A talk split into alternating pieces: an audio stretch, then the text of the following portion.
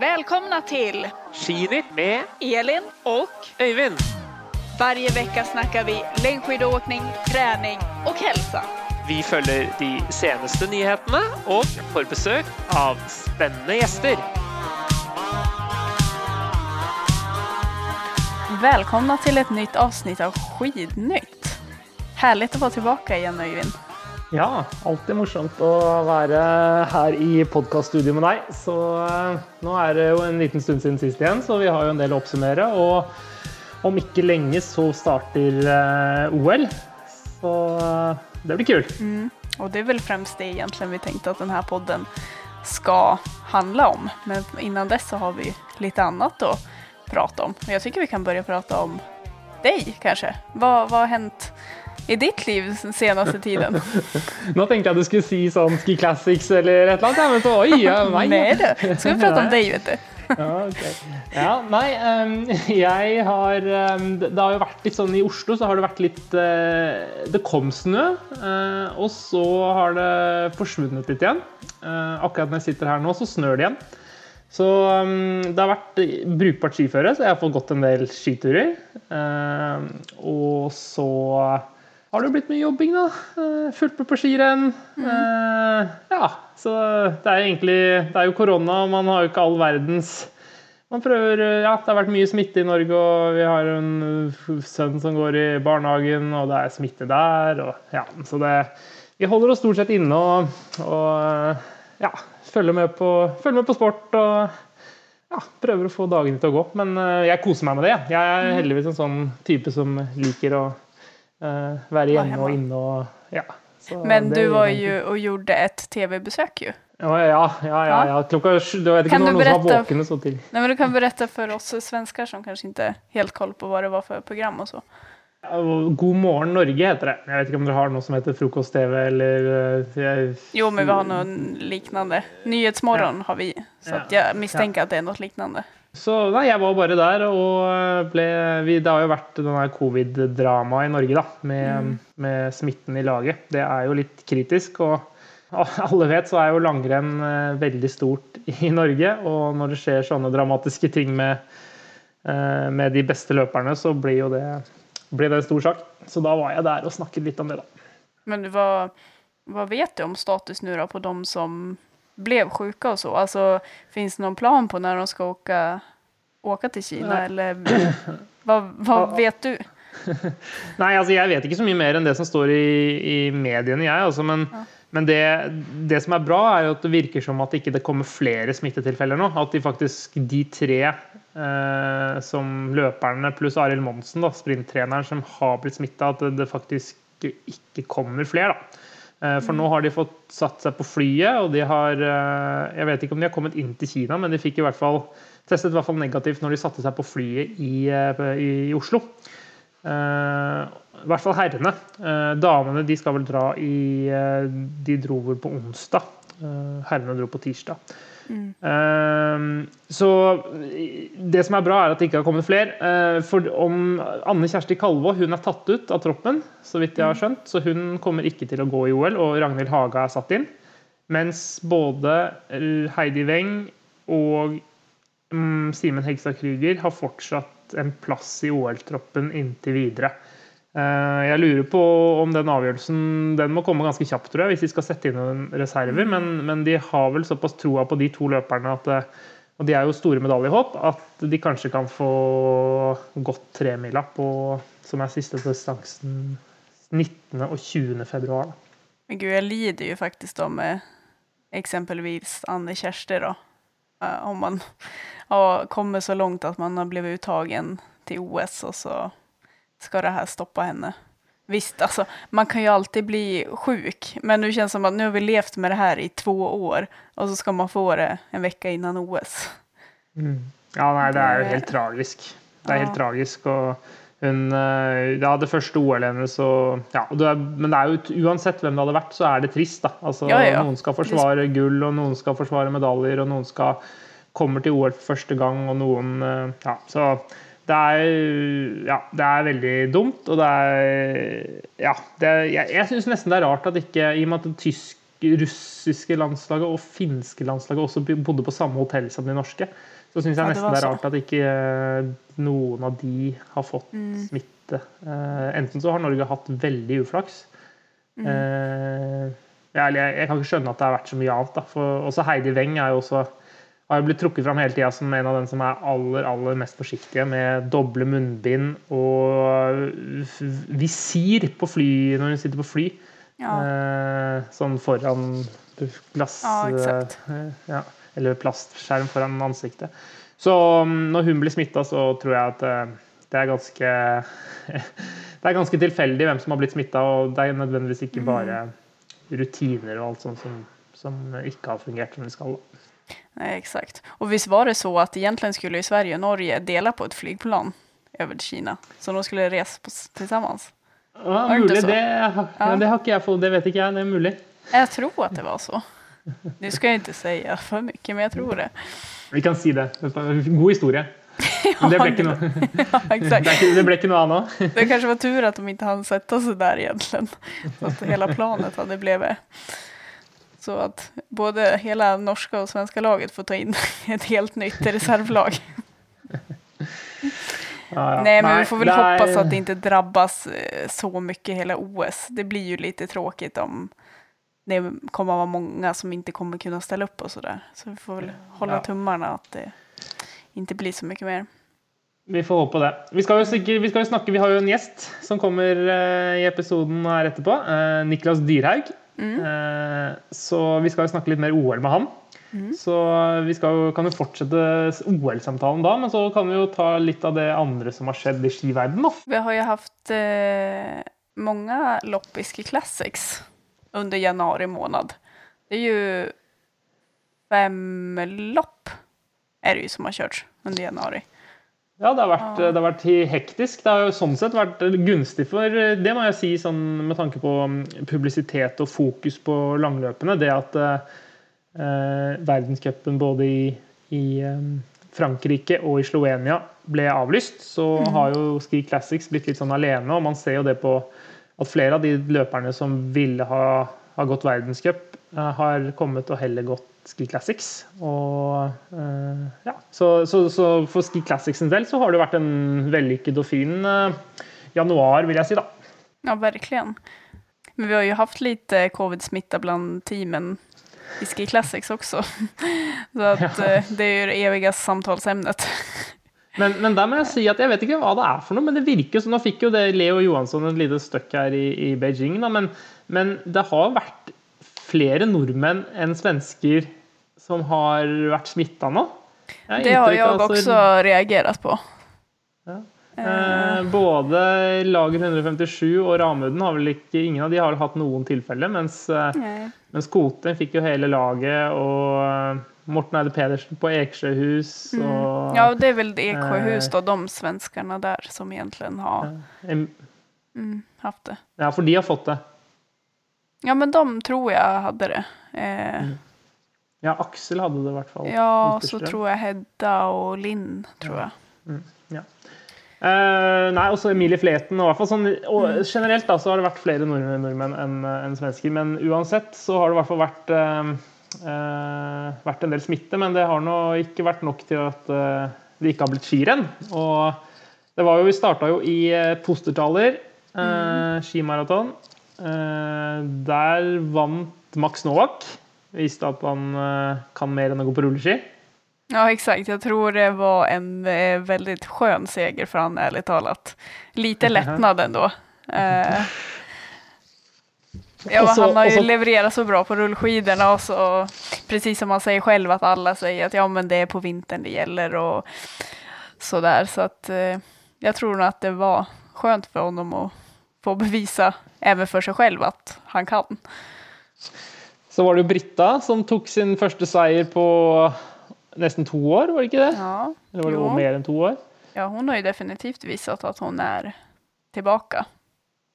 Veldig imponerende å eh, kjempe seg tilbake. Vi har vært på lag med henne, og jeg kan jo si at altså, Ikke det at jeg ikke hadde troa på Britta, men jeg, det, var jo en, det var jo en kjempejobb som måtte gjøres for å komme tilbake igjen der. Og at hun Ja. har klart å gjøre den, det er veldig imponerende. Ja, så er det. Eh, Eh, och sen dagen efter så var det ju ett till race där i um, Piata, Piat, nej, Piato Piazza. Vad heter det? Pra? Prato Piazza. Prato heter det. Mhm. Det er jo eh, det er, det er ikke så lett. Eh, og så har du jo tysk navn òg. Platzwiese. Det er jo faktisk Ja, et høydetreningssted ja, som säger Som Ole Einar Bjørndalen Ja, Ja, eh, Ole Einar Bjørndalen har jo brukt det mye. Han bor jo rett på andre siden av dalen i Anterselva. Var jo han eh, eh, var jo han veldig mye. Så han Mm. bodde sammen med, var sammen med hun Santer. Santer ja. Ja. Og um, han brukte plassvis mye i, eh, i høydetreningen sin. Da. Det er jo utrolig fint der oppe, jo. Mm. Veldig, veldig fint. Og jeg syns at den tävlingen ble jo veldig bra også, syns jeg. Mm. Vad tycker du? Jeg syns det var rolig å følge den på tv. Ja, helt enig. Jeg syns det ble kjempefint. Og så fikk du den der dynamikken mellom staking og, og klassisk da, i, dame, eh, blant, i damekonkurransen. Og Ja. Eh, Ja, nei, det var en kjempefin, eh, kjempefin konkurranse. Så um, det får vi håpe at vi ser mer av, og at den kanskje kan bli en fast innslag, da. Uh, Ja, jeg skal jo til ärlig, ja, jeg skal jo ærlig ärlig si säga det der med stakning. og jeg trodde jo faktisk at Astrid skulle vinne der når hun gikk med feste. Jeg tenkte hun kommer jo bare trippa ifrån oppfor, Men det gjorde hun jo ikke. Och sen såg det ju inte ut som att hon kanske hade bergbett så hon kunde inte utnyttja det till fullo heller. Nei. Og så hadde hun også og så hadde hun kanskje ikke den beste formen, hvis vi skal se Nei. hva som skjedde. At hun faktisk ble syk og kanskje gikk med korona i kroppen. Da. Så Så kan det Eh. vel väl vi, man vet aldri. Men i hvert fall eh, så vant stakerne både Ida Dahl eh, for damene og Johannes Ekeløv. Han var jo veldig imponerende. Det rykket han gjorde der, det var det, var, det var det kvalitet over. Han var liksom et hakk over der. Ja, det var Eh, sjukt imponerende. Det, ja, det var en riktig panghelg for Ramudden kan man si, Den helgen. Absolutt. Det har jo vært en, for generelt for Ramudden har jo hatt en fantastisk sesongstart. Så hed, all heder og ære til dem for det. Så eh, kom vi neste uka etterpå, så skulle vi ha gått Resjensrennet eh, i eh, Ja, nede på Regensjøen. Eh, men der var det ikke snø, eller is. Nej, det var Eh. ju inte alls mycket snö. Jag var ju på plats där. Det var inte mycket snö där nere i dalen. Så eh, det fick ju bli en alternativ tävling helt enkelt. Och det är Flyttade ju... den 10 kilometer, kanske? Ja, precis. Uppöver. Lite mer på höjd då. Där uppe där det fanns snö. Men det blev ju inte lika långt då som det skulle ha varit. Nere på sjön skulle det väl vara 75 kilometers lopp. Och nu blev det 10 kilometers backrace istället. Ja, det var jo første, og det var første gangen i Ski Classics historie at det var en intervallstart-race. Og det var det hundrende løpet. Eh, Så en del eh, litt eh, spesielle ting med det rennet, da. Mm. Og der ble det jo vunnet, det ble vunnet av eh, eh, Tor Asle Gjerdalen i herreklassen.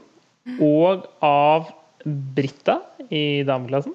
Mm, Lida. Ida. Exakt. Ja, Britta. Och återigen där så fick vi ju se den här fighten mellan eh, stakning och eh, diagonal med fäste då.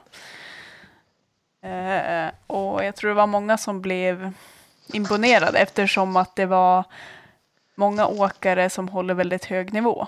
Alltså världscupåkare som var på plats och körde med fäste. Som exempelvis Sorrina på damsidan. Eh, och att hon inte alls kunde stå emot mot de allra bästa. Gikk Sorina på, med feste eller på blanke ski? Nej, hon körde fäste.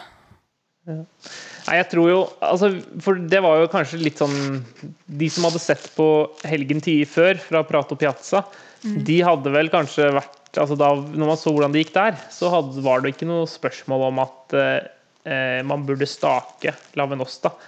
Eh, fordi den bakken var jo ikke i nærheten av like tøff. Eh, og med en god del lettere partier og eh, Så det, var vel Jeg ville vel si at hvis du, du kom dit og trodde du skulle gå fortere med festet, så Eh, så, så var kanskje det litt som å tro på julenissen. Eh, Ja, lite faktisk. Spesielt Men, med at det faktisk ikke er så jättebrant heller. Nei. Det är i början Eh, och slutet. Ja. Ja. Nei, så det tror jeg kanskje Men, men for all del, altså, uansett så er det jo kjempeimponerende. Og det var jo mange av de Magnus Medås er en god løper, og, og Sergej Ostjogov, for ikke, ikke snakke om han, da, som har vært nær, verdens nest beste skiløper så langt i år, egentlig. Um, han um, på herresiden han var jo langt, langt bak. Jeg vet ikke hva han holdt på med, om han gikk på treningsski eller ikke gadd, men det var jo Ja. Det, Ja, ja, det var jo ikke hva man hadde forventa seg, kanskje, av honom. Um, og så er det, men så er det som du sier at det har vært denne debatten om, eh, om, det, var, om det har vært slutten på, på diagonalgåingen. da. Og, Ja, Blomman uttrykte seg så, altså Anders Blomqvist i SVT da, kommentatoren, at eh, han ställde ju frågan, är det, kan det här som var, är slutet för diagonalåkningen? Ja, kanskje, kanskje ikke, men Nei, altså jeg tror jo ikke tror, det- er jo ikke det. Altså, det er jo, bakken var ikke tøff nok til at det, eh, det er slutten på den. Men, eh, men altså, jeg, jeg skjønner Jeg skjønner på en måte eh, Jeg må si at for fem år siden så var jeg kanskje mer sånn at vi må jo bare få, få staket, og, og, og, og det er det.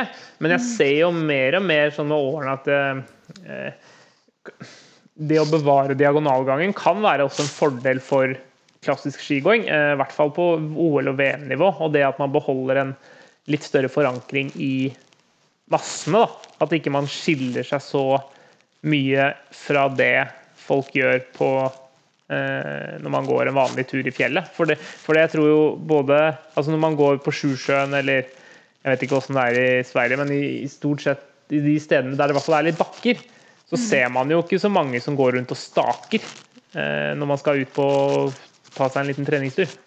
Nei, Nei det gjør man ikke. Eh, I Orsa, kanskje Grønklitt og, og, og sånn hvor det er flate løyper og sånn, så kan man jo kanskje se noe. Men, men eh, det er jo diagonalgang. Uansett om det forsvinner fra, fra mm, konkurransegåing, så vil det jo alltid være den foretrukne måten å gå på ski på for de aller, aller fleste.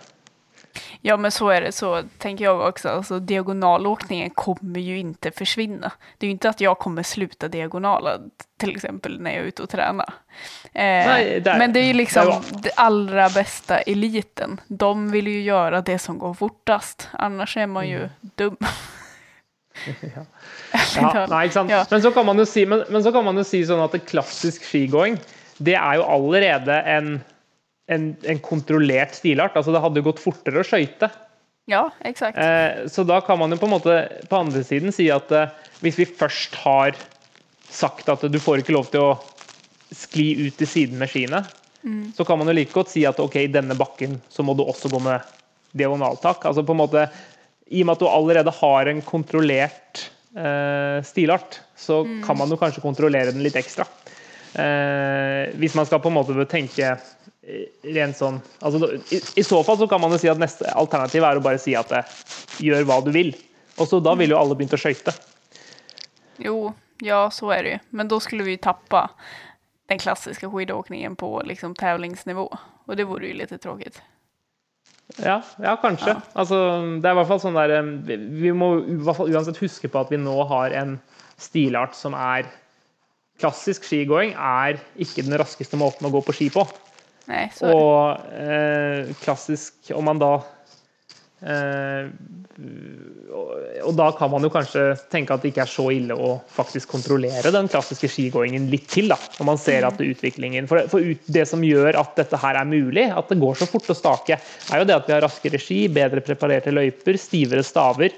Eh, det er jo en teknologisk utvikling som har gjort at eh, man, når man er veldig godt trent, så går det fort å stake. Ja.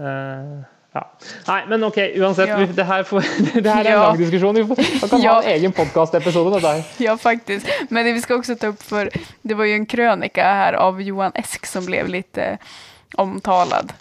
Eh, da skrev han at se skidåkning som er ful er ikke kul. Og da ble jeg litt så här, fast vi får jo ikke stilpoeng. Han mener vel at han tycker det er fult når man stakar. og at det är diagonal er mye finere. finare.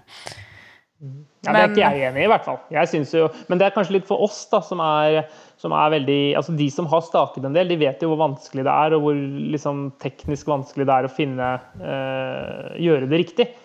Ja. Eh, og da vet da ser man, setter man pris på fin staking. Men jeg kan jo skjønne for en, noen som ikke har prøvd det i det hele tatt, så kan det jo kanskje det å lange ut i diagonalgang og liksom at det kan se liksom litt mer elegant og fint jo, ut. Da. det kan jeg jo kjøpe. Altså, men det er jo ändå så her, ja, det kan være jättefint å se kanskje, vi ser Johan Olsson, noen som er veldig bra på diagonala.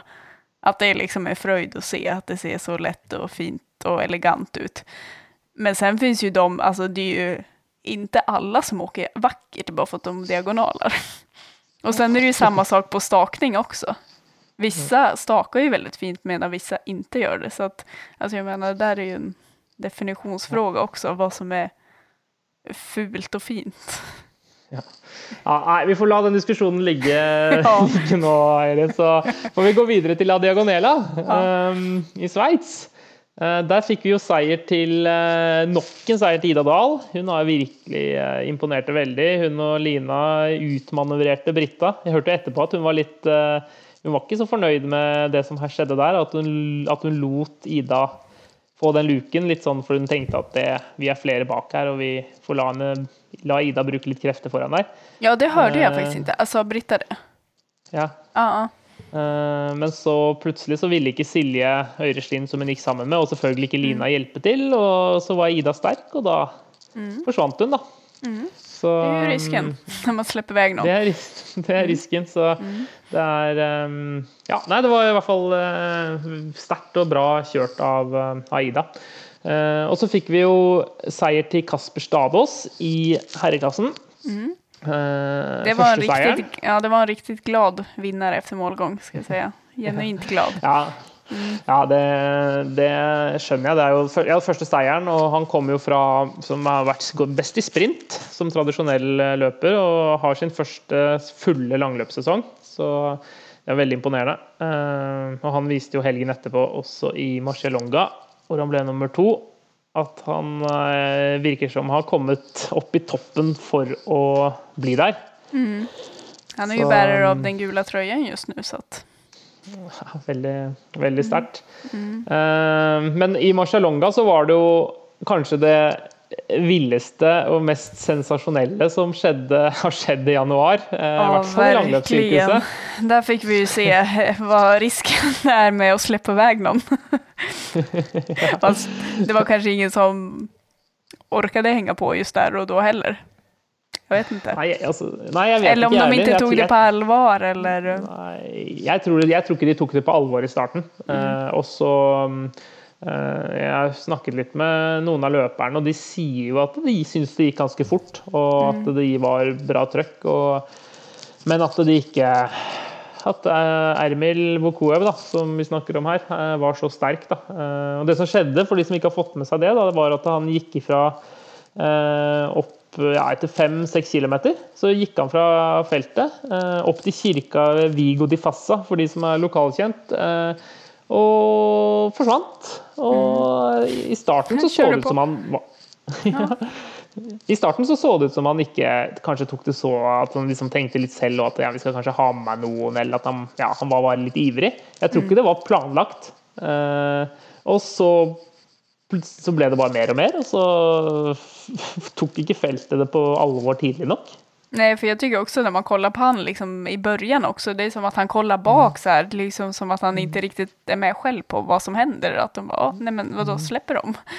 Mm. Men han såg jo også ja. väldigt stark ut. Alltså, jag tycker att liksom, tekniken satt ju otroligt bra og det såg liksom så lett ut. Du vet når det nesten ser ut som at en åkare ikke tar i, fast det går fort. Mm. Mm. Han, er, han, har jo litt den måten å gå på også, da. Mm. Uh, så på en måte han, Jeg syns han aldri ser veldig plaget ut, men jeg er helt enig, han gikk vanvittig fint. Og han har en mm. veldig god teknikk for marcialonga også, tenker jeg. For han går ganske sånn med lange tak, og drar, i hvert fall sånn i, i forhold til mange av konkurrentene. Han drar mm. de ut og, og, går eh, Virker som at han har veldig fin flyt i, i høy fart. da. Mm. og går energieffektivt. Og så hadde de helt sikkert gode ski. Og du ser jo Maxim Vyliksjanin, som er lagkamerat, han blir nummer tre. Og mm. første gang han er på pallen i, i Ski Classics også. Så øh, det er åpenbart at de har truffet på det også. Uh, men ja, nei, det, det, er noe av det Det er jo Vi snakker om Petter Eliassen som gikk i front der av feltet og vant Marcialonga for en tre-fire år siden. Ja. Uh, det her er vel kanskje enda ligaen over, da. Og i hvert fall altså, så um, Ja en sånn soloseier, det, det, er ikke ofte man ser. da. Nei, det er riktig imponerende. Det er det. Man får nesten um, litt vibber av det her med Johan Olsson på VM i Valdifjem. Lite det, liksom ja. som at nej, men det skal ikke riktig gå. Men jeg syns det er mm. kul de ganger det lykkes for å vise at det går, faktisk. Kanskje det gjør at flere våger også, kanskje mm. ja, gjøre dem. Mm. Jeg tror helt klart at det er, veldig, det er veldig bra og veldig fint. og Jeg tror alle hei, heisatt og heia litt på Ermil på slutten der. Selv om man var svensk eller norsk eller hva man var. fordi det var, det var jo helt, det var vanvittig kult og sterkt og imponerende gjort. da. Så eh, får det være litt en lærdom til feltet bak. da, at, eh, For du kan jo si på en måte så er det kanskje at det gir en liten sånn ekstra boost til de andre. At ja, men det kan gå. Men på den andre siden så kanskje feltet også lærer at det, vi kan ikke slippe folk så langt av gårde, da. Nei, exakt. Så det kan jo virke litt på begge måter, da. Men eh, det får vi jo bare følge med på. Nå kommer det jo fine løp her både med Giserska om to uker og Tartu skimaraton om tre uker. Mm. Uh, spesielt Tartu skimaraton. Det har jeg ikke gått selv, men det har jeg tro Det er litt sånn lignende Kan være sånn fin sånn utbruddsrenn, uh, ser jeg for meg. Med litt sånn småkupert og ikke altfor mm. tøff løype, da. Som, um, som innbyr til kanskje litt sånn taktisk eh, teamgåing, da. Så det blir spennende å se. Nei, jeg har ikke heller vært det selv, men jeg tror det skal være et fint løp. Det blir helt sikkert bra. Men uh, har, det vært, har, det vært, noe lokal, litt mer så svensk cup og sånn, uh, Elin? I, jeg vet jeg hørte at det var noe noe, uh, noe sånne renn i ja, Sverige? Ja, det var jo Sverigecup i, i helgen i Torsby. Men eh, helt jag, ärligt, jag, jag, eftersom jag har jobbat hela helgen så har jag inte varit jätteinsatt och kunnat följa de tävlingarna. Men, så att jag ska inte uttala mig så mycket där. Nei, det, det, skjønner jeg, men det, derfor jeg tenkte jeg skulle ta det var, det var, Jeg hørte det var en del vind. Så jeg lurer på, jeg tror det var noen trær som brakk over løypa, og eh, de måtte Jaha, endre noen løyper og sånn.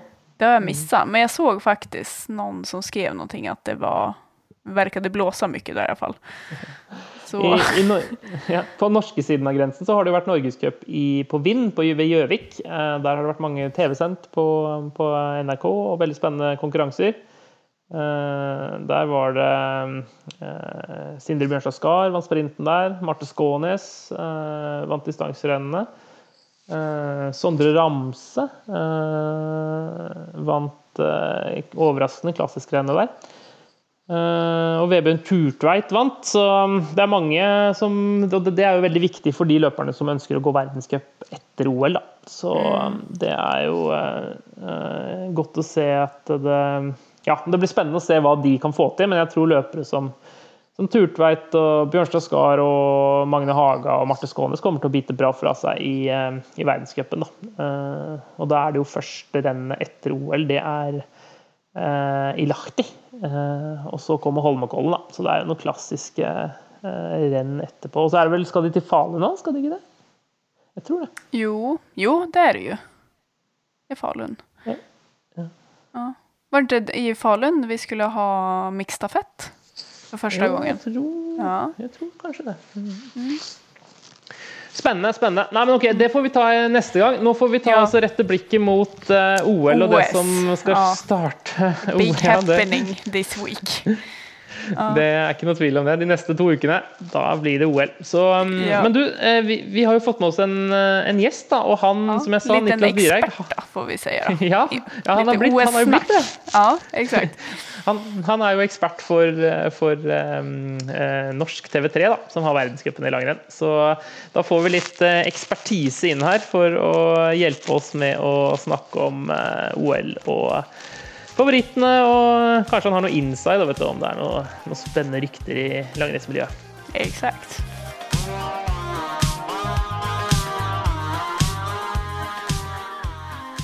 Ja, da har vi Niklas Dyrhag med oss her som gjest. Velkommen!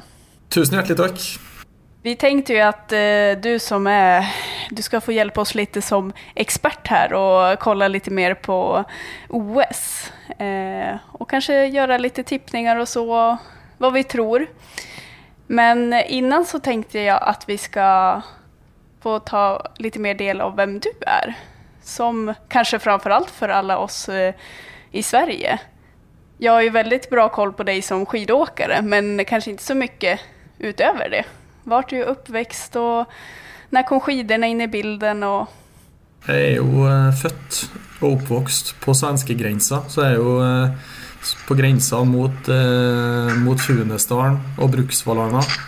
Så jeg har jo Jeg gikk jo egentlig mine første regirenn like mye på, på den norske sida som på den svenske sida. Og jeg har jo egentlig Det var jo tradisjon med første skisamling i Bruksvallarna siden jeg var sju år, så jeg har jo Jeg lærte jo tidlig å, å konkurrere mot, eh, mot svensker. Eh, og, eh, og, det har jo alltid, alltid vært veldig sånn rival, fin rivalisering da, mellom, mellom på norsk og svensk side i Trøndelag, der jeg kommer fra. Så det, det er jo der jeg er oppvokst. Og så etter ja, eh, når jeg var i 14-15-årsalderen, så begynte jeg å gå fortere og fortere på ski, og da bestemte jeg meg for å gå skigymnas i Meråker.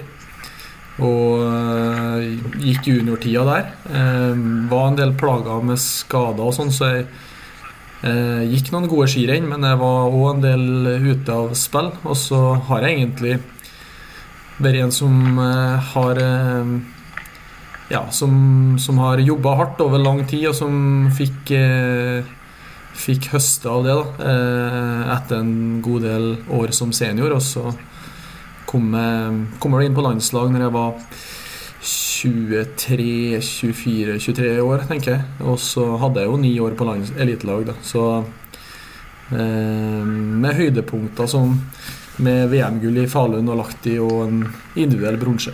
Hei, Niklas. Eh, jeg husker jo deg første gang fra um, Altså, jeg, Faren min er fra Trøndelag, eh, og jeg var jo der oppe en del eh, på ferier og gikk en del skirenn der oppe. Og da husker jeg deg, og vi Du var jo Jeg var på juniorlandslaget. Du var i skorpen rett under juniorlandslaget. Og du er året eldre enn meg. Men, men jeg husker at du, som du nevnte her, skadetrøbbel. Hva var det de skadene gikk ut på? Er det de samme skadene som du egentlig har slitt med gjennom hele karrieren? Både ja og nei. Jeg tror nok jeg har, jeg har, jo, jeg har jo alltid hatt en litt sånn eh, jeg har, nok, jeg har en dårlig rygg. Eh, sånn eh, Født med en, med en, dårlig rygg, egentlig. Sånn at jeg, jeg vil jo jeg, eh, jeg slet jo veldig mye med det. Og det er jo noe jeg er nødt til å holde i sjakk, da, kan du si, resten av, resten av livet. Men jeg lærte jo meg etter hvert da, en, eh, en, måte å takle det på. Og det var jo at jeg hadde nødt til å trene veldig mye sånn kjedelig stabiliseringsstyrke. Eh, det måtte jeg jo gjøre eh, hver dag, egentlig, eh, når jeg ble, ble senior. Men i stedet for at det var min bakdel, da, eller var liksom, det var jo der jeg var svak, da, så måtte jeg gjøre det så mye da, at jeg kanskje klarte å gjøre det om til min store styrke. da. At jeg måtte trene veldig mye styrketrening og, og eh, legge veldig mye vekt på det. Som gjorde at ja, ble veldig ble veldig kompakt, da, kanskje, kan du si, og, og fikk, fikk, lite energilekkasje. Men det er jo som du sier, da, Eivind, vi hadde jo veldig mye fighter, jeg og du, da, som, som jeg kommer på med, med, med glede som junior. og vi ble jo kjent eh, ganske tidlig i eh, junioralder der, når vi, eh, i og med at faren din er fra nabokommunen min. Stemmer det. stemmer det. Jeg husker, jeg husker godt ja, jeg husker godt mange konkurranser, men jeg husker også godt Jeg snakket med deg på telefon en gang etter, etter en sesong hvor du sa at du trodde du måtte gi deg, liksom, fordi du, du hadde trøbbel med, trøbbel med skader. Så det jo, viser jo det at du har eh, Det har ikke bare vært eh, eh, rett fram og rett til toppen med en gang. Nei, det har det absolutt ikke vært. veldig mye, veldig mye utfordringer. Men det er nok den der drivkraften. At jeg har alltid vært Alltid følt at jeg hadde mye, mye i meg eh, som skiløper. Eh, så lenge jeg fant ut av, av de skadeproblemene og klarte å eh, få kontinuitet i treninga, så var jeg ganske sikker på at jeg skulle gå veldig fort på ski. Så det var egentlig å knekke den koden da, som, jeg, som tok litt tid. Men når jeg først gjorde det, da, så hadde jeg jo ganske mange år på rad der jeg, der jeg var, var, helt i toppen. Da. Du kan, jo, du kan jo nesten hevde at altså, du var jo en av verdens beste klassiskløpere en periode der. Og bronsemedalje på 15 km i Lahti og, og, to stafettgull. Og du var jo den som en av de aller, aller beste i verden som kunne vinne verdenscuprenn på gode dager. Så det sier jo litt om uh, hvor god du var, da. Jo da, takk. Det, det, var fine tider, det. Altså. Det var det. Ja, eh, Var det skadorna som också sen kände att eh, som du bestemte at du la av? Eller var det annet? Ja. ja, det var det. Men det var en annen type skade etter OL i Altså Mine fire beste sesonger hadde jeg vel i 2015, 16, 17, 18. Da. Ja.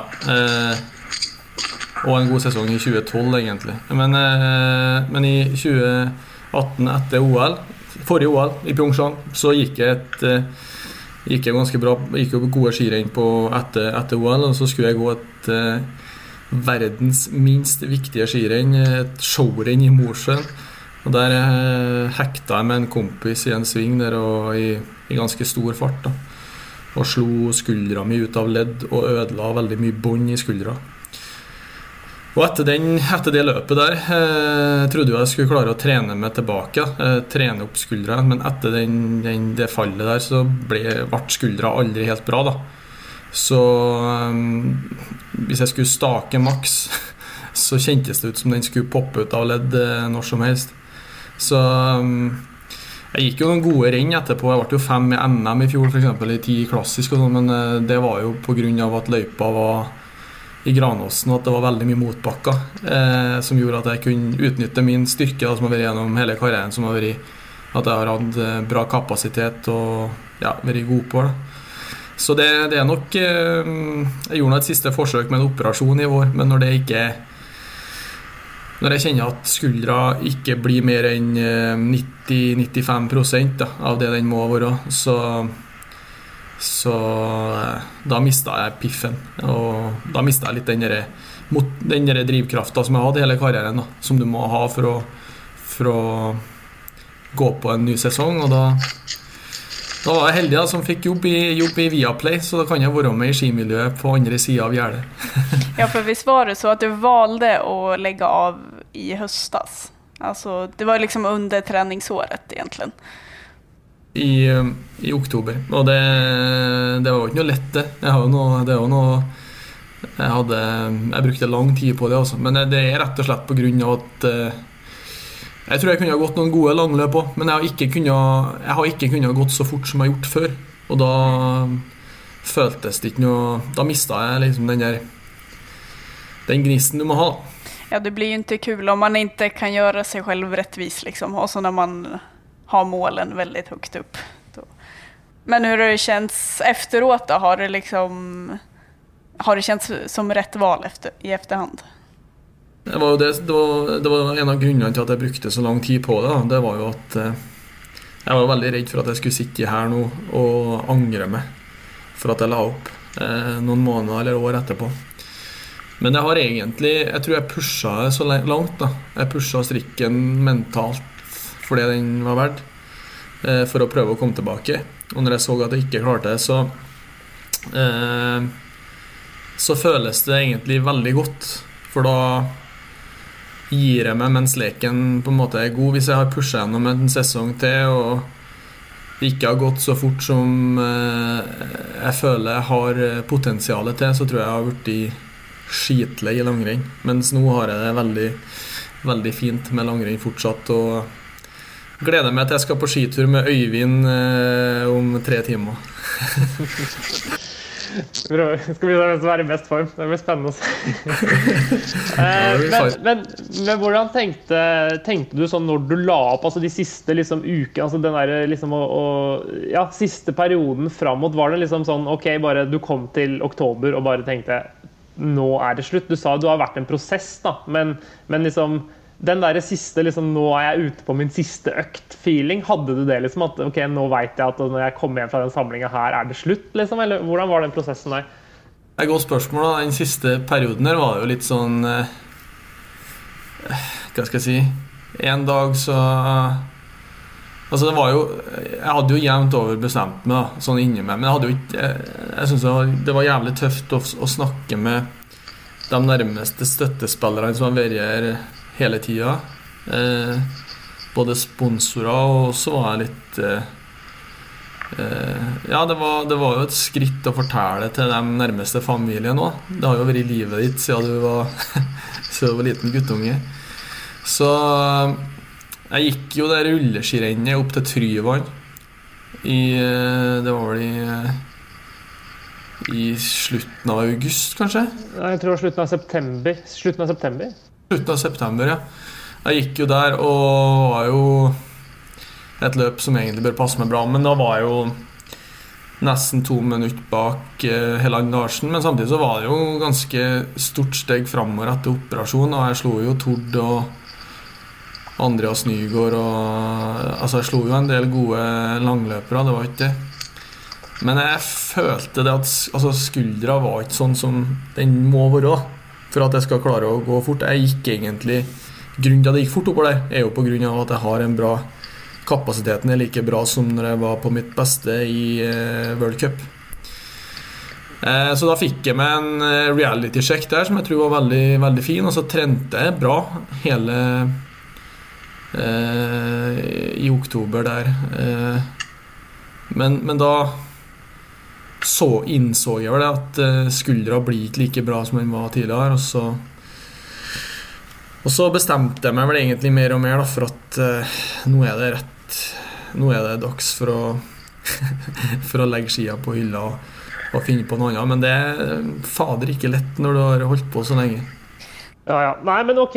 Uansett, du eh, ga deg, Niklas. Og mm, så fikk du jo da jobb eh, mm, i Viaplay Eh, og TV3. Og eh, personlig må jeg si at du har vært veldig flink på TV-en. Kjempebra å ha eh, en så erfaren og flink ekspert da, i et nystartet Eller en TV-kanal som er litt ny med dette her. Og og skal liksom ta over armen til liksom NRK, som har eh, gjort dette her i 100 år. Og da, da syns jeg i hvert fall at du har vært ekstremt flink til å formidle eh, ting på en god måte.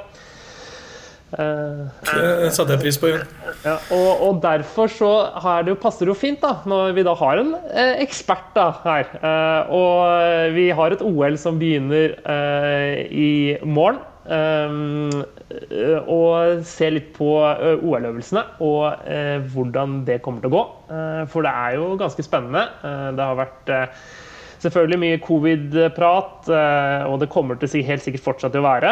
men det virker jo kanskje som nå at løperne har at det verste stormen er over, og at vi kanskje har, kan slippe unna med å miste enda flere. Jeg vet ikke, Du Niklas, har jo hatt litt kontakt med de som har vært smitta, og de i troppen. Har du noe, noe breaking news, eller noe, begynner, begynner, folk å få trua på at de faktisk kommer på start?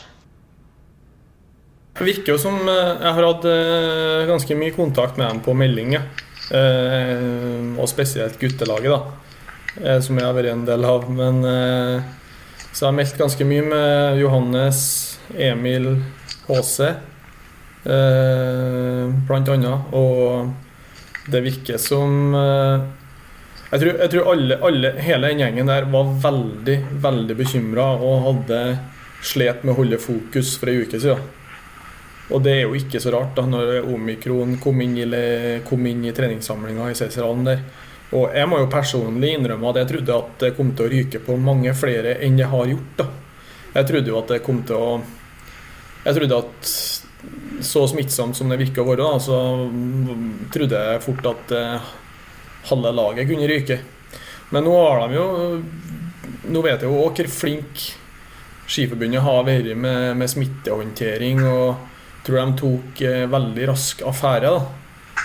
Og eh, ja, så, så jeg syns jo, jo at de har berga utrolig bra enda, men jeg føler jo ikke at, jo ikke at man er 100% trygg i og med at Krügeren fikk positiv eh, prøve for, eh, for så, nå var det, det begynner å bli fem dager siden. Så man er jo ikke, man er jo ikke 100% trygg ennå, men de har i hvert fall gjort det som står i sin makt. Så jeg har veldig trua på eh, Veldig trua på at det er en, på at det er en ladda gjeng som, som, som, er i, eh, som er i OL nå, som er, som er klar til å vise seg frem. Og at de har eh, fått snudd, snudd fokuset mot det som, som er viktig, da, å gå fort på ski.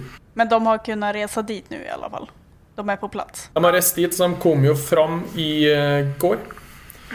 Så eh, de, de har kommet, kommet seg til Kina. Og så er det jo klart dame Therese har jo ikke Hun kommer vel ned nå, gjør ikke det? Eh, Så hun, eh, hun har jo bare tida og veien med tanke på søvnakklimatisering. Men, men i hvert fall erfaringa mi når jeg har reist nedover på sånn, altså sånn det, det er mye viktigere å være akklimatisert til høyde enn det å være akklimatisert på søvn. Jeg har gått gode skirenn på, på tidlig, eh, tidlig sånn søvnakklimatisering. Så lenge man ikke skal gå veldig mange skirenn på rad, så tror jeg ikke det er noe så, så tror jeg det skal gå bra. Mm. Og, og skirennene der borte går vel også litt utpå dagen. Så at, eh, altså si at skirennet starter 12 eller 1, så, så eh, vil det jo eh, være som å starte skirenn klokka 10 eller 9. Men det, det er jo ikke det er jo ikke noe problem. Nei da, jeg tror det skal gå, jeg tror det skal gå fint, ja.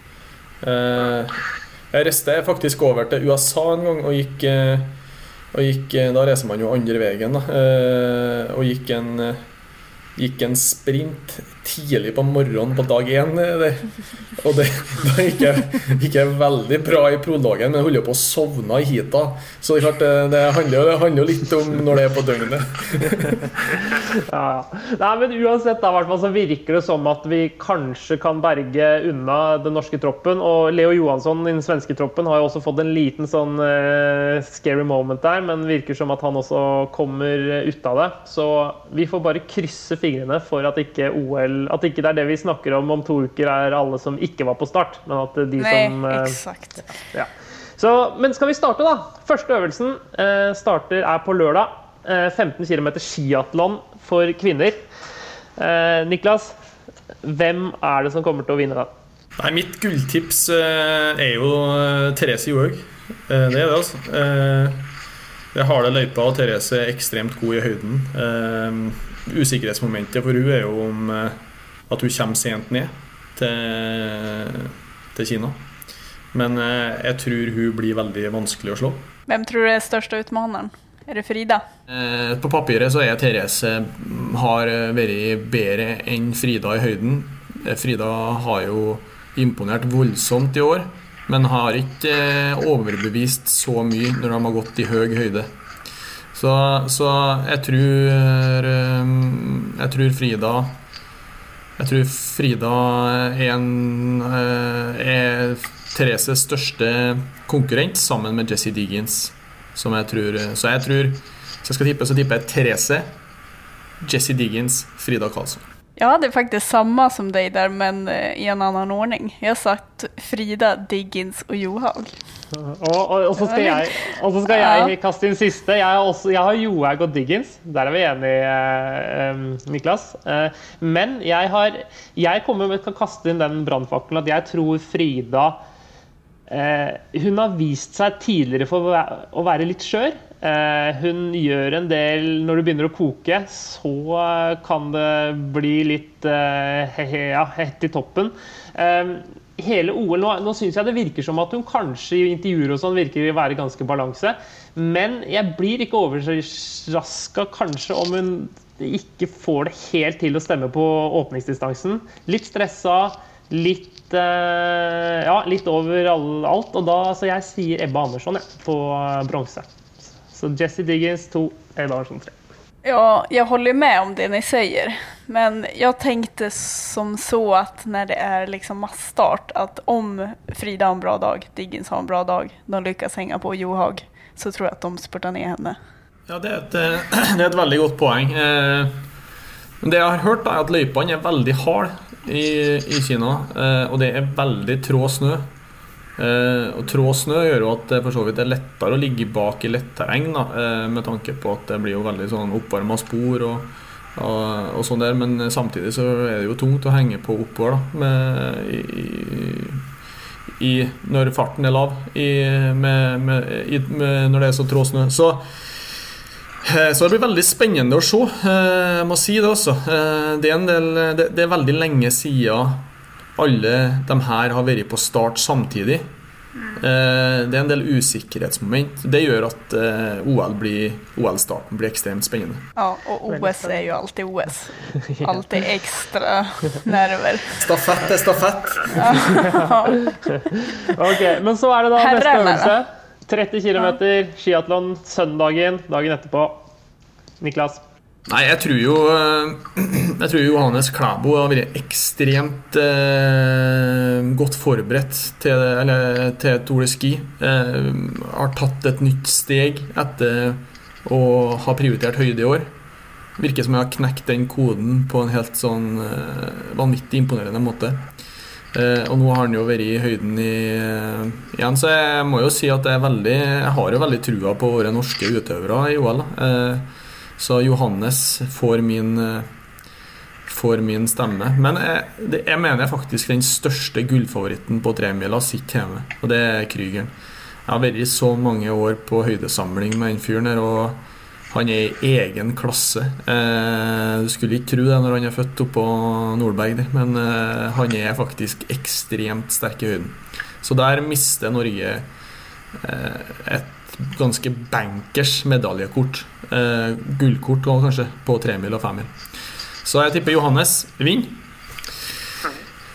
Jeg gjør det, også. Og så tror jeg tror jeg det blir en hard duell med, mellom de to erkerivalene. Jeg tror jo Bolsjunov òg er veldig interessert i å ta hjem det gullet. Og han gjorde jo det eh, under eh, duatlon i VM i fjor. Eh, så jeg tipper Bolsjunov tar sølv, og så, så tror jeg fort eh, bronsen går til vår egen eh, slugger HC, HC Holund. Greit. Det er eh, spennende tips. Jeg er også eh, enig med deg, eh, Niklas. Klæbo og Bolsjunov er én og to. Eh, jeg tipper tredjemann. Eh, skal jeg slenge ut en annen navn? Ostiogov. Sergij Ostiogov. Han virka Han var ikke god i Ski Classics eh, i Venosta her for et par uker siden, men han har vært eh, sånn overall den nest beste skiløperen vi har sett så langt i år. Um, så ja, jeg sier Ostiogov på, på tredjeplass. Ja, samme som deg, Øyvind, fast jeg har bytt plass på Justugov og och Bolsjunov. Godt, eh, det kan også være at Hvis de først havner i spurt, så vil jeg kanskje tenke at Ostiogov er best av de eh, Altså at det vil bli Klæbo, Ostiogov, Bolsjunov i den rekkefølgen. Men eh, spennende. Eh, så, ja, og så er det jo da 8. februar, to dager etterpå, så er det sprint. Eh, hvordan går det der? Niklas, vi tar jentene først, da. Det er et godt spørsmål. Eh, Den sprinten for damer der Der har jeg jo veldig trua på de svenske damene. Det er jo ikke å, det er jo ikke å komme bort ifra det. Og så tror jeg faktisk veldig imponert over Maja Dahlqvist i år. Og så er jeg òg veldig imponert over det Jonas Sundling viste i comebacket i eh, dressen, og det hun gjorde i Falun. Det trenger nødvendigvis ikke sånn, histori sånn historisk sett så, det, så kan det være veldig bra å ha en litt sånn eh, litt sånn alternativ eh, høst. Det hadde jo bl.a. Colonia før OL i Sotsji. Så med at han måtte stake en kjelke, og det førte jo til ekstremt gode resultat. Så jeg tror Jonas Sundling tar hjem gullet. Jeg tror det, altså. Så tror jeg tror jeg Maja Dahlqvist tar sølv, så det blir en dobbeltseier til Sverige. Så det er veldig åpent om, eh, om, eh, om den siste pallplassen òg. Men hvis jeg skal tippe, da, så tror jeg fort jeg tipper Lampic. Da kan jeg bare gå inn her og si at jeg er helt enig, helt enig Niklas. Der er vi helt på linje. Jeg, synes, jeg, syns Jonas Hundelin imponerte veldig i Falun. Eh, det, det, det tror jeg er noe av det råeste som er gjort så langt i år. Eh, hun, eh, hun så ekstremt bra ut, og jeg tror hun er på nå er jo det riktignok en måned siden når de skal gå skirenn i, i Beijing, men jeg tror hun tar det foran Dahlqvist. Ja, jeg har jo satt Maja som etta och jag har även Jonna med, men på tredje plats. Jag var lite osäker på om hur hon tacklar höjden. Det är det som gör att jag sätter henne på tredje. Eh, sen hade jag lite svårt om jag skulle välja mer på pallen, men till slut så valde jag Majken. Mm. Hon har levert i år hon kanske, inte har, hon kanske inte har visat eh, på stor form på slutet, men det är mästerskap. Det var det.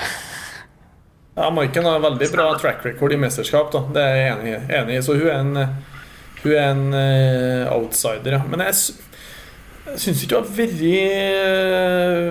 Jeg syns ikke hun har overbevist spesielt i, i vinter. Da. Så da, da må hun ha funnet, funnet, tilbake til godformen i Seiserhallen, og det er jo absolutt, absolutt plassen å finne roa og godformen. Bra. Gutta, Niklas? Nei, der er det jo Der er det vel sjelden vært større favoritt da uh, enn Johannes er der.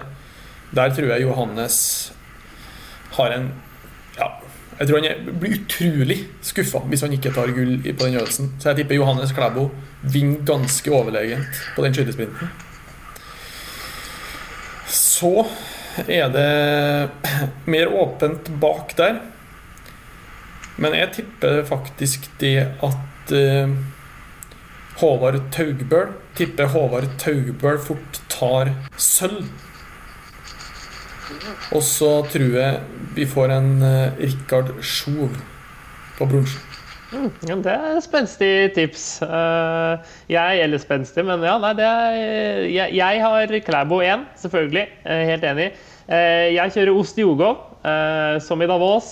Skøytesprinten der blir to. Uh, og ble jo kanskje to på Lillehammer òg. Uh, og på tredjeplass, bronsemedalje, blir det Federico Pellegrino. Ja, jeg har jo satt Klæbo, så klart. Ingen som viser på noe annet, kjennes som. Sen satte jeg Bolsjunov som toa. Eh, tenkte noe mer bare høyden, at han bare er stark og holder ut i fyra hit. Eh, sen på tredjeplass var jeg lite velig. Jeg valgte mellan Pellegrino och Golberg. Men jag satte Golberg. Spännande. Det blir spännande att se. Jag vet inte riktigt vad, vad som föll på det, men det känns ganska öppet ändå, sprinten där tycker jag. Ja, det är enig. Jag, jag syns det är väldigt öppet bak Johannes. Det är ingen som, som har varit sån soleklar nummer to, føler jeg. Eh, Valnes var jo soleklar eh, nummer to av, i sprint, og er jo, er jo, det i klassisk. Men eh, jeg syns ikke han har vært helt oppe og nikke på skate i år. Så Han er jo bra, men ikke sånn helt oppe her. Så det blir spennende. Mm. Ti klassisk. Eh, 10. februar, to dager etter det igjen altså. Eh, jenter, eh, intervallstart. Niklas? Nei, jeg tror eh, det blir eh, Therese Johaug igjen. Jeg tror det, altså. Therese Johaug vinner den før Skal jeg si Therese Johaug, da, før eh, Frida Karlsson nummer to og Ebba Andersson nummer tre. Ja, enig. Jeg er også akkurat samme. Ja, men faktisk. ja, altså, vi, det, som, det, som ut, det, som er, greia her, er jo at Frida har slått eh, Therese på eh, denne øvelsen før i år. Eh, og på intervallstart så har jo faktisk eh, På 10 km intervallstart så har jo Frida vært, eh, vært den beste. Altså Selvfølgelig da Vås så, så slo Johaug tilbake igjen, da. Men nei, det der er veldig spennende og, og ja, en åpen øvelse. Sen tror jeg også faktisk... at vi kommer utmanas av de ryske damene, typ Stupak og Neprejajeva. Ja, Neprejajeva tror jeg Neprejajeva er en outsider, ja, uten tvil. Eh, jeg er litt enig med det Øyvind sier, at uh, har, det, har, det, har, den 10 km her gått i Falun, da, så har jeg fort uh, kunne ha tippa Frida før Therese, men det som backer det her i den favøren at uh, Therese er favoritt, er, er hvor god hun har vært i høyde, sånn erfaring, også, og hvor mye erfaring hun har med høyde. Uh, der, er, der, har hun der har hun ekstremt gode, gode resultater. Bra. 15 km klassisk dagen etterpå. Gutta skal ut og gå. Intervallstart. Hvem er det som vinner? Der vinner eh, vår finske venn Ivo Niskanen. Ivo Niskanen vinner. Så tipper jeg Bolsjunov 2. Så det er veldig åpent, da. Men eh, om det jo Nei, jeg Jeg tipper faen meg Johannes tar medalje her, altså. Jeg tror Johannes tar bronse. Han gjorde jo, viste jo i Val Fiemme at han kan være ekstremt bra på Hvis han har en sånn dag, så, så på fellesstarten i Tour de Ski der, så var han jo vanvittig god. Uh, jeg har bytta om uh, de to første, Niklas. Uh, jeg kjører Bolsjunov først, Niskanen 2. Um, Niskanen har vært best så langt i år. vi får se. Jeg ser for meg at det der føret for Bolsjunov, panser 20 minus og sånt, kommer til å gjøre at han går fort. Bronsen her, den er åpen. Jeg jeg hadde kanskje lyst til å si Holund, eh, hvis jeg skal tenke patriotisk, eh, eller Klæbo, men jeg endte opp på Sjervotkin, jeg. Ja. Aleksej Sjervotkin. Ja, det er en, eh, en liten luring, det. Så Jeg hadde, jeg hadde, faktisk også med Kjervotkin på uh, tredjeplass. Eh, men innan dess har jeg satt uh, Ivo Niskanen som etta og Holund tvåa. Ja, vi er innom de samme navnene her, da, men uh, det blir uh, mm, vi, vi får, faktisk det. Ja, så får vi bare se hvordan det ender. Altså, det kan jo være at noen man tenker på etter hvert her også, at folk kommer til å kanskje stå over øvelser. Jeg kan jo kanskje se for seg at Klæbo kunne, kan vurdere hvert fall, å, å, stå over den øvelsen her. Han skal jo um, Det er jo to dager etterpå bare, så er det jo stafett. Uh, og um, ja Det kommer sikkert litt an på hvordan det har gått i starten av mesterskapet, tror du ikke det, Niklas? Jo, det vil jo, vil jo alltid være sånn eh, at, eh, at man vurderer litt utover. Det kan jo, komme, det kan jo bare komme sånn som forkjølelser, eller at man ikke eh, ja, Eller at man rett og slett er veldig sliten etter alt som har skjedd. Så det er jo, det, det er jo, det er jo som du sier, at fra den øvelsen her og utover så er det jo veldig vanskelig å forutsi hvem alle er på start. Men jeg tror personlig, etter det jeg har snakka med Johannes om, så er Johannes gira på å gå alt. Og fordelen i et OL er jo det at eh, du har litt mer, mer, tid mellom løpa. Det er litt lengre, litt lengre mesterskap enn i et VM. Så du har jo muligheten til det. Men det er klart det koster jo å gå i 15-20 speik og kraftig vind, og du blir jo ikke du blir sliten av det. ikke, noe, tvil om det. Eh, stafetten 12.2. Kvinnestafett. Eh, nå kommer vi jo liksom til kremøvelsen eh, kanskje her, for mange i hvert fall. Jeg vet eh, den, den, henger høyt for nordmenn, og det gjør den helt sikkert for svensker òg, tror jeg. Mm. Niklas? Ja, nei, damestafetten, så mm, der har jeg Der er det en stor favoritt i mine øyne, og det er Sverige. Eh, så mm, det vil være overraskende for meg. Og sikkert skuffende for eh, dere svenskene òg, hvis det ikke blir et gull der, tenker jeg nå, ja. Eh, Heidi er jo satt ut av spill, og det gjør jo at det norske laget er knallhardt svekka. da. Anne Kjersti og for så vidt, som jeg trodde tror egentlig var tiltenkt den fjerdeplassen eh, på stafettlaget før mesterskapet. Eh, så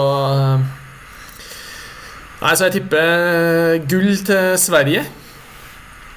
Eh, så er det jo veldig åpent. Da, men jeg tipper, jeg tipper faktisk sølv til Russland. Og så tror jeg det blir bronse til Norge. Ja, spennende. Det er rart å si det når vi snakker damestafett. Vi har vært så vant til at Norge er bare helt bankers der. Og at eh, det i hvert fall, om ikke, om ikke, de vinner, så er de i hvert fall helt i nærheten. Men jeg skjønner tankegangen din, eh, Niklas. Jeg har bytta om Russland og Norge, da. Men jeg har Sverige på topp, og så har jeg Norge to og Russland tre. Men um, der skal, som du sier, jeg tror det er jevnere mellom andre- og tredjeplassen der enn mellom første- og andreplassen. Jeg jeg satt likadant som deg, Øyvind. Ja. Sverige, Norge, Russland. Nei, vi får uh, Ja. Det er jo ja, altså Jeg har ikke sett på det svenske og norske laget så detaljert, altså, men jeg tenker jo at uh, Norge så har vi jo Johaug som må gå, og så må vel um, uh, Så skulle jo Heidi Weng, som du sier, være bankers, da. Uh, så har vi jo Helene Marie Fossesholm, og så har vi vel Tire Ludnes Weng. Ragnhild Haga, kanskje? Spørs jo litt hvordan det har gått før i mesterskapet her, da. Jeg tror, tror sånn Sett ut ifra resultatene som har vært tidligere i år, så, så, hadde jeg sett for meg at det ble Therese, Tiril, eh, Heidi og AK. Altså sett ifra det som skjedde i Toren. da For Anne Kjersti var så, var så jevnt da Jevnt rundt nummer ti. Som er, det er egentlig eh, På stafett så handler det om ikke, en del etapper så handler det om å ikke rote bort Altså bare gå jevnt bra. Men eh, når de to er borte, så er det jo veldig åpent om de to, to siste plassene. Jeg er enig, Ragnhild bør jo kanskje gå en skate, da. Eh, tredje etappe. Så ja, Nei, det var Fosseholm har jo ikke vært helt i form, vet du. Så nei, Norge stiller veldig Veldig usikre kort her. Mm. Det kan, altså det kan, bli fjerde, fjerde-femteplass òg, hvis det virkelig baller ut. Vi får ikke håpe det, altså, men det, eh, dette her er ikke, det er ikke sånn, norske stafettlag som vi er vant til. Stafett er stafett. Sta det er sant. Det er sant. Ja. Okay, Sverige var ganske store favoritter på VM i fjor. Jeg skal ikke prøve meg på noe svensk uttak, jeg. Men uh, skal vi bare gå videre til herrestafetten? Eller Elin, har du lyst til å Ja, gjør det. Ja, jeg tenkte du skulle ta det russiske damelaget. ja, jeg vet, jeg tipper Stefanova går siste etappe, i hvert fall. uh, ok. Ja, herrestafetten dagen etterpå. Uh, Niklas? Nei, Der tipper Norge vinner. Så tipper jeg Russland blir to. Og så er det mer åpent der om tredjeplassen. Eh, men der tipper jeg Frankrike. Ja, det er helt identisk med det jeg har. Eh, jeg gikk tilbake litt i historikken. Altså Frankrike har tatt bronsen i de to siste OL-ene. Eh, jeg tipper de tar bronsen for tredje år på rad. Men eh, den er åpen, altså. Men de to første der virker ganske klare. Men, men så lenge Klæbo blir sendt ut på slutten der sammen, med, sammen på siste etappe uten å måtte ta inn noe, så tror jeg, tror jeg det der kommer til å gå norsk vei. Ja, men jeg tror det, blir en, det, det har vært en rysere de siste årene. Eller en del mesterskap da, mellom Norge og Russland her. Og Ustjugov eh, Altså, Han har jo tapt noen sånne dueller nå, men han blir ikke mindre gira på, på, å vinne den duellen her eh, med åra som kommer. Så, så, jeg tror han kommer til å selge seg dyrt. altså en, en, liten ulempe som det er for jeg tror kanskje for Ostiogov og Bolsjunov i forhold til Klæbo på det oppløpet i, i Beijing, er at det, du jo, det er litt sånn som på Lillehammer, for de som husker verdenscupen der, at du kommer nedenfra og, og, og på en måte går oppoverbakke, opp og inn på oppløpet. Og det tror jeg kanskje kan være For de tunge, store gutta skulle helst hatt et sånt Val oppløp hvor du kommer skliende ned i høy fart og, og, kan bruke på en måte den punchen. Mens Klæbo er litt kjappere og raskere i takten og, og, og, kan kanskje Jeg tror det er bedre for han at det er sånn som det er nå, da, med en litt tøff avslutning. da, Siste 300-400-500 meterne.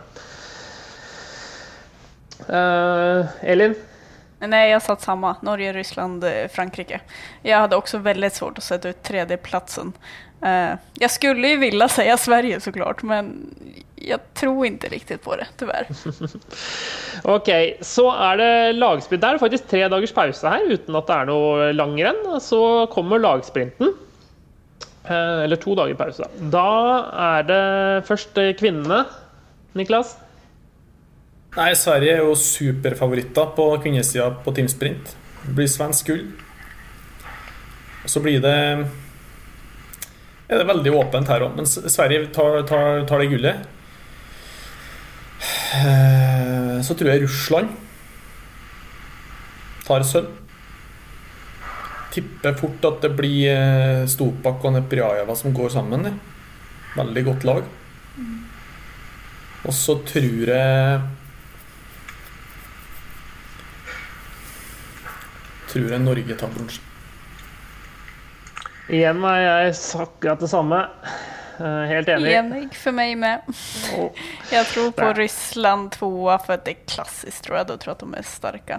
Og så har jeg satt Norge trea. Men jeg tror også kanskje at USA bruker kunne være utfordrere her. Jeg tror, ja, jeg tror at har det vært skate, så jeg ville ha satt USA på på'n. Men uh, Diggins er jo eh, utrolig ujevn i Classic. Da. Så eh, der kan det være både hummer og kanari. Herreslagsprinten. Niklas? Nei, Der er jo Norge like store favoritter, om kanskje enda større enn det Sverige var på, på eh, damesida. Så der blir det Valnes og Johannes som går. Og der er det ikke noe annet enn gull som er godt nok for Norge. Så tipper jeg tipper Russland blir to. Og så er bronsen. Den eh, har ikke helt eh, klart å bestemme meg, men jeg, jeg egentlig hadde jeg, Hvis jeg skulle ha sagt før, før årets sesong, så hadde jeg tippa Finland. Jeg hadde tippa Hakkola og Niskanen. Men når de ikke er der, så Nei, jeg veldig usikker på Skal jeg si Sverige? Skal- Kan komme med en eh, med Ja, en, ja, eh, ja. Med en, eh, med en skikkelig liten bombe her. Ja, Hal Halvarsson sammen med Halvarsson sammen med Heggstrøm, eller noe? ja. ja. Ja, det er ikke sikkert det. Jeg, jeg, jeg Niklas, har jo sagt eh, satt Norge, Russland og Finland. Ja, jeg har tro på at Niskanen kommer til å gå en så innst inni uh, stafett. da. Og så må jo Hvem er siste finnen der som de går med? Altså, De har vel hatt Da tipper jeg fort det kan bli han derre Lori Vårinen? eh, Vårinen. Ja. Ja. Mm. Han har jo gått ganske bra i sprint da i år, da. Men det er klart Hakkola han er jo en god distanseløper i tillegg til å være en god sprinter. Han, men han kjørte jo Han kjørte jo inn i det, det sagnomsuste treet i Kusam. Jeg laga en reportasje dagen før og sa at eh, det her er en farlig sving. Og der, akkurat i den svingen, kjørte han rett inn i treet og brøt jo om ribben. Så det, for alt jeg vet, det kan jo gå an at Ristomatti er tilbake og går OL nå, men han har jo ikke hatt noe superoppladning, da. Men eh, Finland er spennende valg, det. Ja, det, blir, det er veldig åpent, i hvert fall. Så det er en spennende, spennende øvelse. Eh, Så er det mm, to øvelser igjen, da. Eh, Dronningen og kongeøvelsen av mesterskapet. eh, 19. og 20. februar. Det er jo faktisk snudd om nå i år. Det er jo alltid pleid å, Mesterskapet pleier å avslutte med femmila. Eh, I år så er det damene som får den æren å avslutte med tremila. Det er vel den siste øvelsen i hele mesterskapet. Eh, Men vi får ta det i rekkefølge. Først er det femmil. 19. februar. Hvem er det som vinner den, Niklas? Hans Christer Holund tar gullet. Eh, Bolsjuno tar sølv. Bronse. Skal jeg Skal jeg Dæven, det er vanskelig. Jeg tipper bronse til Johannes. Nei, jeg tipper, nei, tipper bronse til Sjur. Jeg Tipper bronse til Sjur. Jeg, det, har jeg òg. Sjur har altså bronse, og jeg har Bolsjono på sølvplass. Men jeg tror Klæbo da eh, tar gullet her òg. Men jeg er enig i at jeg, jeg skjønner hva du tenker. Fordi altså, enten så vinner Klæbo, eller så blir han nummer 20. Eh, tenker jeg da, litt. Ja, Det spørs hvor mange som klarer å gå fra. da Hvis han kan være med gruppe to og vinne, vinne spurten, så er det greit nok. Men eh, nei, jeg er litt enig i det. da.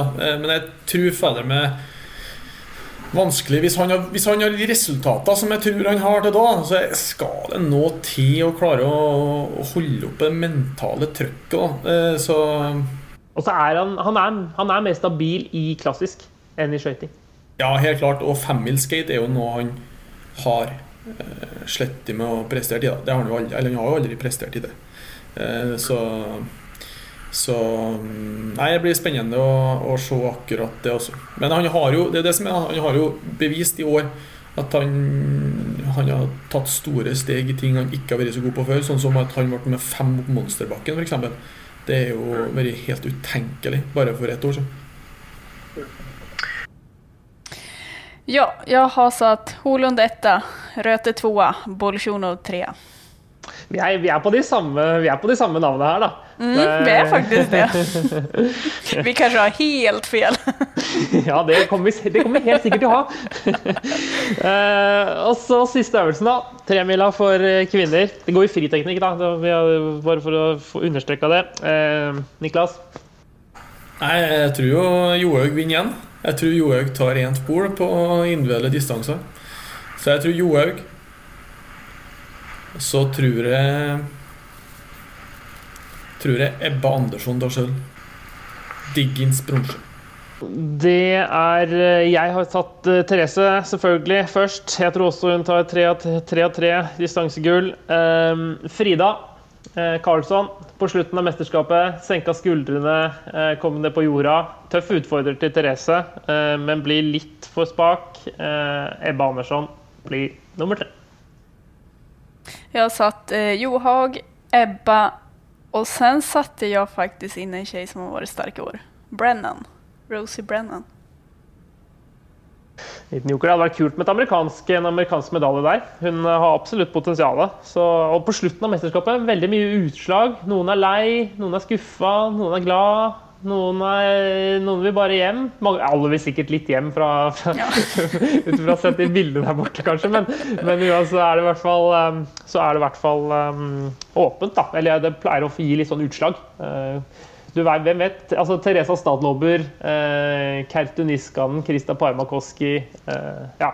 Det er mange navn der som kan, kan smelle til.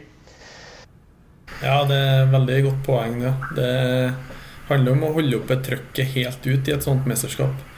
Så, eh, og så er det bestandig. da Bestandig kommer det noen overraskelser. Og det er jo det som gjør idretten eh, artig òg. At eh, det er ikke nødvendigvis det vi tipper på forhånd her, nei, som, nei. Som, som, går inn. Vi har jo hatt mye eksempel på Mye eksempel på det opp igjennom. Så det blir, blir veldig spennende. Det er jo, det er jo Dario Colonias siste OL, f.eks. Han har jo han har jo gjort den helt vanvittige bragden at han har vunnet tre 15 km i OL på rad. Mm. Tenk om han skulle gå inn og ta den fjerde. Altså, det, da begynner jeg å Altså, da tar jeg av meg alt av klær og bøyer meg i stedet. Men eh, Dario, Dario han håper jeg, og, og han er en sånn som bruker å heve seg til mesterskap, så skal ikke bort ifra at han jeg tror ikke han kan kjempe om noe, om noe gull, men at han kommer til å heve seg og er oppe i ganske mye høyere enn han har vært tidligere. Topp ti tror jeg vi kan, eh, kan, forvente å se Dario. Det, det, er jeg helt enig i. Det blir veldig spennende å se om han kunne klare den historiske bragden.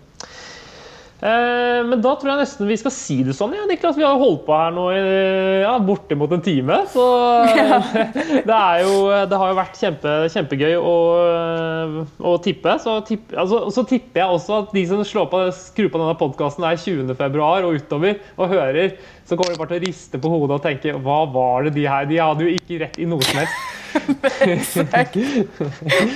Nei, altså, det, er jo, det er jo en faktor her vi ikke har snakka så mye om, da, men omikron kan jo gjøre at listene her blir helt eh, annerledes. Da. Det kan jo, kan jo, gå an at eh, halvparten av dem vi har nevnt, nå ikke kommer til start. Det er jo det som er så uforutsigbart med OL. Men eh, vi håper at så mange som mulig, og helst alle, holder seg unna omikron og holder seg friske, så vi får et fair og fint mesterskap. Tusen takk for at du kunne være med oss, Niklas. Eh, ja, lykke, til, takk. lykke til med eh, videre worldcup og ekspertjobbing etter, eh, etter, OL. Og eh, så jeg og, må jeg ut og preppe ski, ja, så jeg har litt eh, god ski til skituren vår. ja, det må du. Nei, men eh, vi, takk for at jeg fikk være med. Og så, så høres vi snart på, ut på skitur. Det er jo veldig fint vær i jeg, jo, jeg, jo, jeg, bor jo i Trondheim, men jeg er jo for en gangs skyld i Oslo nå. og Det er jo veldig fint vær, så det blir, blir godt. Vi snakkes, Niklas. Ha det bra. Ha det bra. Hei.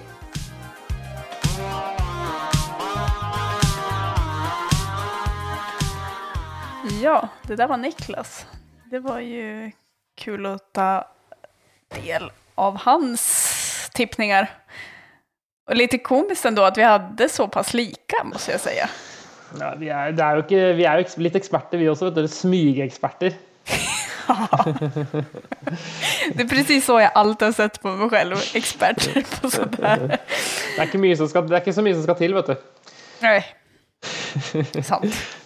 Um, men eh, vi gleder oss i hvert fall veldig til OL, da. og det blir jo to eh, veldig spennende eh, uker. Uh, men så må vi ikke glemme at det skjer litt andre ting i skiverden også. Eh, vi har i Ski Classics så er det jo eh, Iserska Padesatka. eh, 13. januar, tror jeg det er, søndag om eh, en drøy uke. Det stemmer. Det blir en ledig helg nu og sen blir det jo två tävlingshelger på rad. Og da Tartu også, ja. Så det Tartu vil jo da gå samtidig som femmila under OL. Ja, just det. Just det.